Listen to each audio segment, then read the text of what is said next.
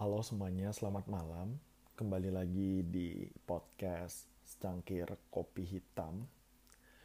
Sebuah podcast yang mungkin sudah lama tidak terurus dan sekalinya ada topik untuk dibicarakan langsung ngelompat kepada hal-hal yang mungkin sedikit berat dan membuatku resah akhir-akhir ini.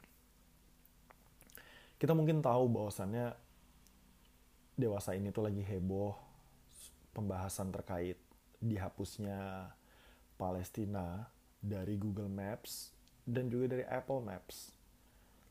Banyak sekali kubu-kubu uh, pendukung Palestina, aktivis-aktivis pro-Palestina yang menyayangkan kejadian tersebut.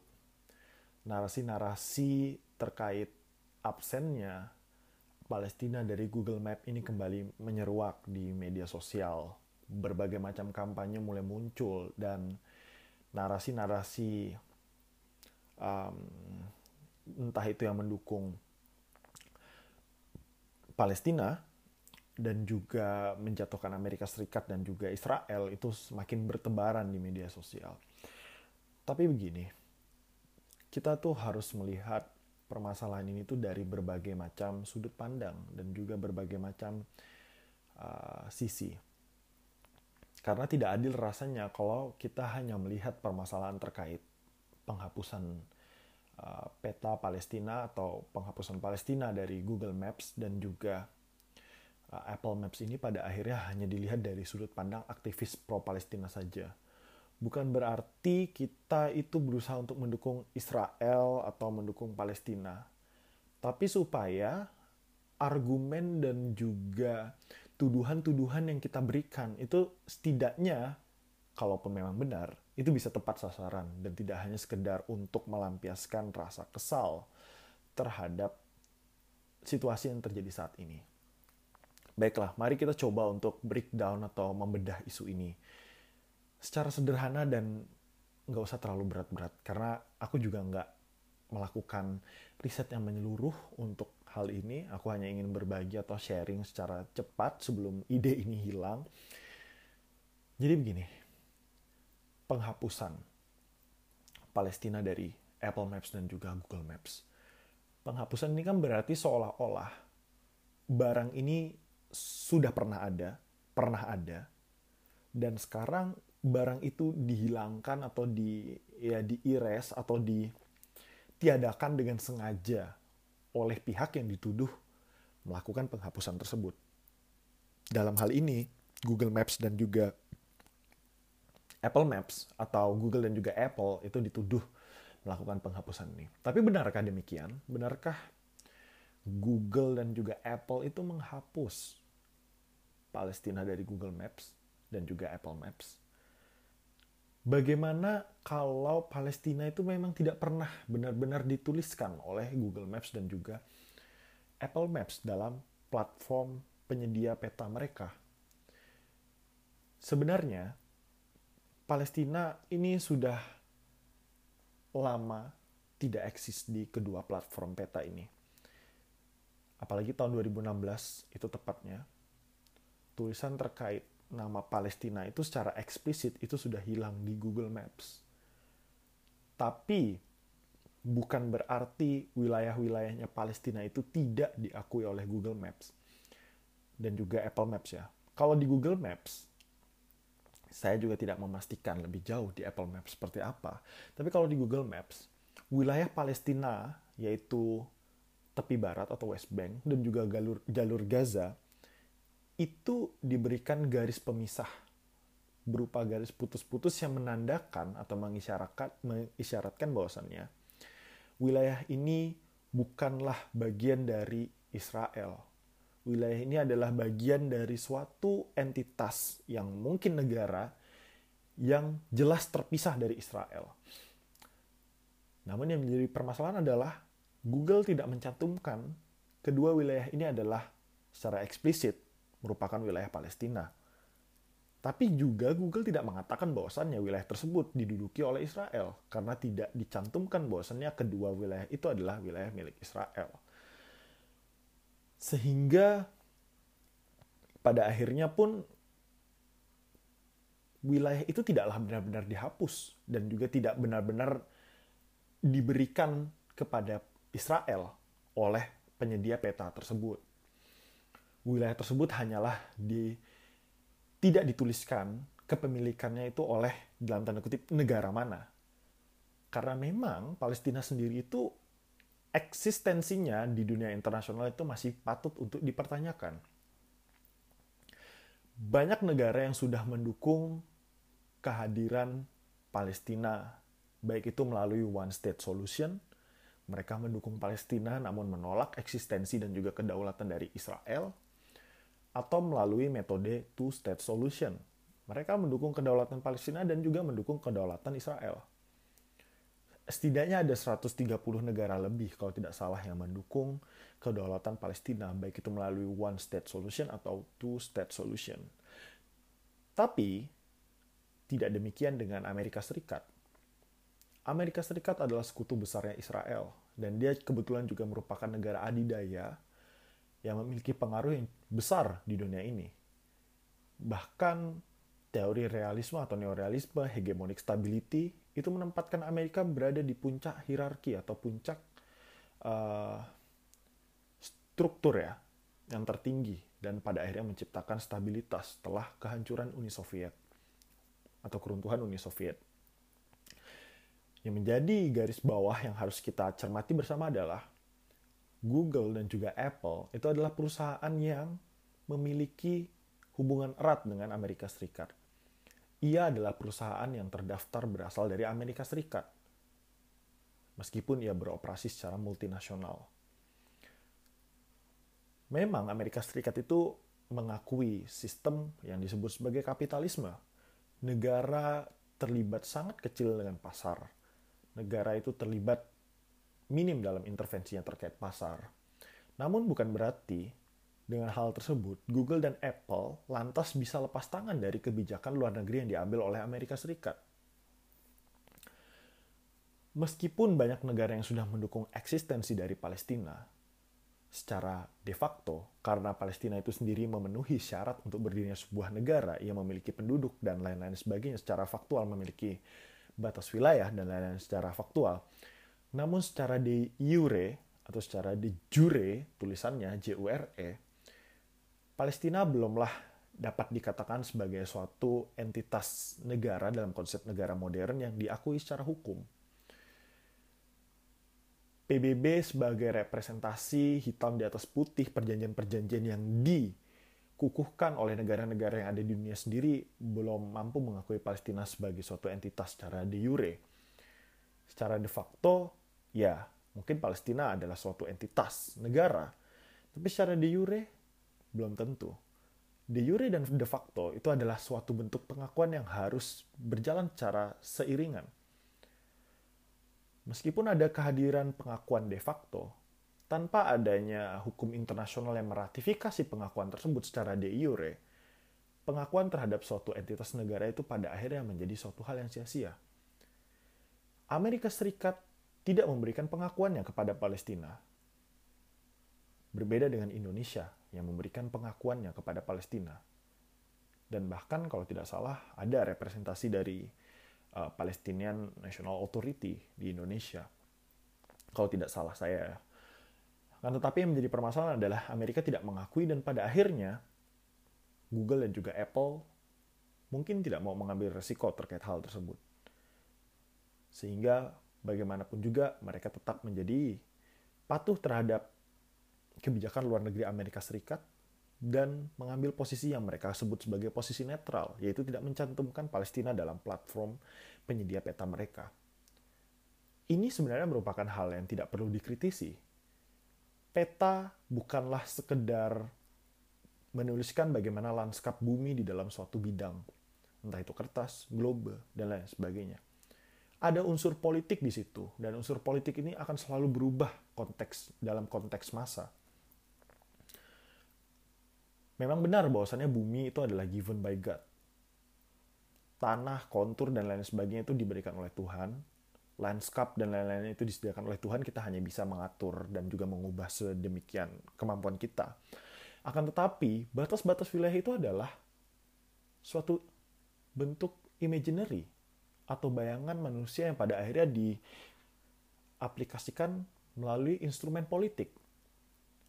Benar ada Pulau Kalimantan. Pulau Kalimantan adalah suatu hamparan daratan yang mungkin berisikan pepohonan, masyarakat-masyarakat yang multicultural, dan lain sebagainya. Tapi yang pada akhirnya mengakibatkan Pulau Kalimantan terbagi untuk tiga negara, yaitu Brunei, Malaysia, dan juga Indonesia itu adalah akibat dari adanya aplikasi politik di dalam apa yang sudah disediakan oleh Tuhan dalam bentuk tanah itu tadi. Dalam konteks era sekarang, dalam konteksnya Google Maps juga dan juga Apple Maps, mereka menjatuhkan vonis bahwasannya kedua uh, wilayah yaitu West Bank dan juga jalur Gaza itu pada akhirnya tidak dimiliki oleh Palestina karena dalam konteks politik mereka memang tidak mengakui hal itu. Itu dari sudut pandang atau dari kacamata perpolitikan. Peta adalah suatu hal yang bersifat politis.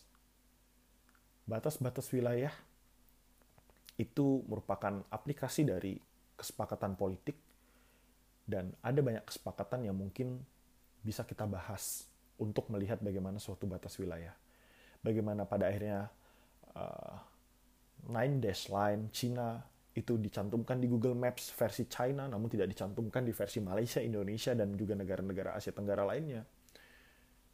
Dan masih banyak lagi yang lainnya yang menunjukkan bahwasannya konteks peta itu bisa menyesuaikan audiens mana yang pada akhirnya uh, menjadi sasaran dari peta tersebut. Apalagi ini negara, apalagi ini era digital.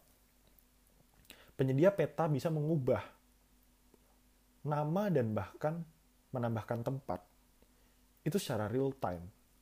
Berbeda dengan dulu ketika kita sudah menuliskan kartografi di atas sebuah kertas, untuk mengubahnya butuh suatu proses yang panjang, menggambarkannya lagi, dan lain-lain sebagainya. Sekarang tinggal mencantumkan nama, memberikan sejumlah bukti berupa foto, kita sudah bisa menambahkan suatu tempat pada peta. Itu yang pertama, terkait konteks politik. Yang kemudian yang kedua adalah, mereka adalah perusahaan kita adalah konsumen. Dalam logika kapitalistik, yang bagaimana juga dalam beberapa konteks aku tidak begitu setuju, tapi mungkin ini bisa kita iakan. Perusahaan berhak untuk mengimplementasikan keyakinan dan juga value mereka dalam produk-produk mereka. Dan kita sebagai konsumen, ya tinggal menerima hal itu. Kita menggunakan produk mereka dan mereka pada akhirnya membantu banyak sekali kehidupan kita Google Maps misalnya menjadi salah satu aplikasi navigasi yang cukup membantu, apalagi di kota-kota besar untuk mengetahui wilayah mana yang pada akhirnya terjebak macet. Apple Maps pada akhirnya membantu kita untuk mengaktifkan dan membangkitkan sejumlah fitur-fitur yang ada pada perangkat Apple kita. Misalnya perangkat pada fitur Don't Disturb, kita bisa mematikan Don't Disturb itu secara otomatis apabila kita men-setting bahwasannya meninggalkan lokasi ini, melalui Apple Maps. Sehingga kita sebagai konsumen ya tinggal menerima saja sih apa yang mereka berikan dan kalau misalnya kita tidak suka dengan produk mereka ya alangkah lebih baik kalau misalnya kita itu beralih. Tapi inilah permasalahan kita yang ketiga. Jika yang kedua itu mereka adalah jika yang pertama ini adalah konteks politik, kedua mereka adalah perusahaan dan kita adalah sebagai konsumen, yang ketiga adalah pesanku kepada kita semua, terutama yang mungkin beragama Islam. Kita sebagai umat Islam itu terlalu terjebak dengan hal-hal seperti ini. Kita terlalu mempermasalahkan hal-hal yang sifatnya itu politik praktis. Kita lupa, iya benar, so, Palestina mungkin adalah saudara seagama dan juga seiman ya, bagi kita sebagai umat muslim. Tapi yang menjadi permasalahan adalah kita lupa bahwasannya Palestina yang diperjuangkan untuk menjadi suatu negara yang berdaulat dalam konsep negara modern itu pada akhirnya tidak akan lepas dari perpolitikan. Di Palestina itu ada banyak faksi yang pada akhirnya nanti berebut kursi di Palestina National Authority. Ada Hamas, ada Fatah, dan berbagai macam partai politik lainnya. Mereka bukanlah partai yang akur, mereka bukanlah partai yang tanpa kepentingan. Setiap dari mereka itu mewakili kelompok masyarakat tertentu Apalagi kalau misalnya kita bicara lebih luas. Timur Tengah adalah suatu kawasan yang mungkin sudah mengalami suatu percaturan dan juga perkembangan sejarah yang cukup hebat. Pertarungan antara narasi pan-islamisme dan juga pan-arabisme. Pan-islamisme adalah suatu paham yang meyakini bahwasannya tidak peduli kau bangsa apa, kau agama apa, eh sorry, tidak peduli kau bangsa Arab atau mungkin bukan, selama kau beragama Islam kita adalah satu identitas. Sedangkan pan-Arabisme mengatakan bahwasannya tidak peduli kau beragama apa pun, selama kau itu merupakan bangsa Arab, maka kita berarti satu satu saudara dan keluarga. Partai Pan-Arabisme sudah terlihat bahwasannya mereka cenderung sekular. Sedangkan Partai Pan-Islamis sudah terlihat bahwasannya mereka cenderung ingin menegakkan ideologi Islam dalam melaksanakan negara. Dan mereka terkadang tidak pernah akur. Seperti yang kita lihat bahwasannya perjuangan Palestina tidak hanya diisi dengan narasi keagamaan Islam saja, banyak sekali tokoh-tokoh revolusioner Palestina yang juga berasal dari minoritas Kristen di sana. Ini menunjukkan bahwasannya jika perjuangan kemerdekaan Palestina itu juga ditegakkan dengan dasar-dasar konsep negara modern, unsur politik tidak akan lepas dari situ dan unsur agama, kesamaan agama bukanlah identitas eksklusif yang pada akhirnya bisa menjadi kacamata utama kita dalam melihat konflik ini jika unsur agama bukan satu-satunya dan politik itu bisa jadi kacamata kita untuk melihat permasalahan ini, maka kita tidak boleh lupa bahwasannya politik itu adalah soal kepentingan. Jika politik soal kepentingan, maka akan ada orang yang berusaha untuk mempengaruhi orang lain agar kepentingannya tercapai. Begitu juga dalam konteks Palestina ini. Ketika kita mengomongin Palestina, Palestina yang mana? Palestina yang Hamas yang kerap kali meluncurkan serangan kepada Israel di luar perjanjian gencatan senjata atau kubu Fatah mungkin ya dan kubu Palestina National Authority yang diakui di PBB dan berusaha untuk melakukan perundingan damai dengan Israel. Ini pada akhirnya harus membuka mata kita sebagai umat muslim Indonesia. Bahwasannya kita pada akhirnya tidaklah mendukung narasi yang sifatnya keagamaan dan soleh betul.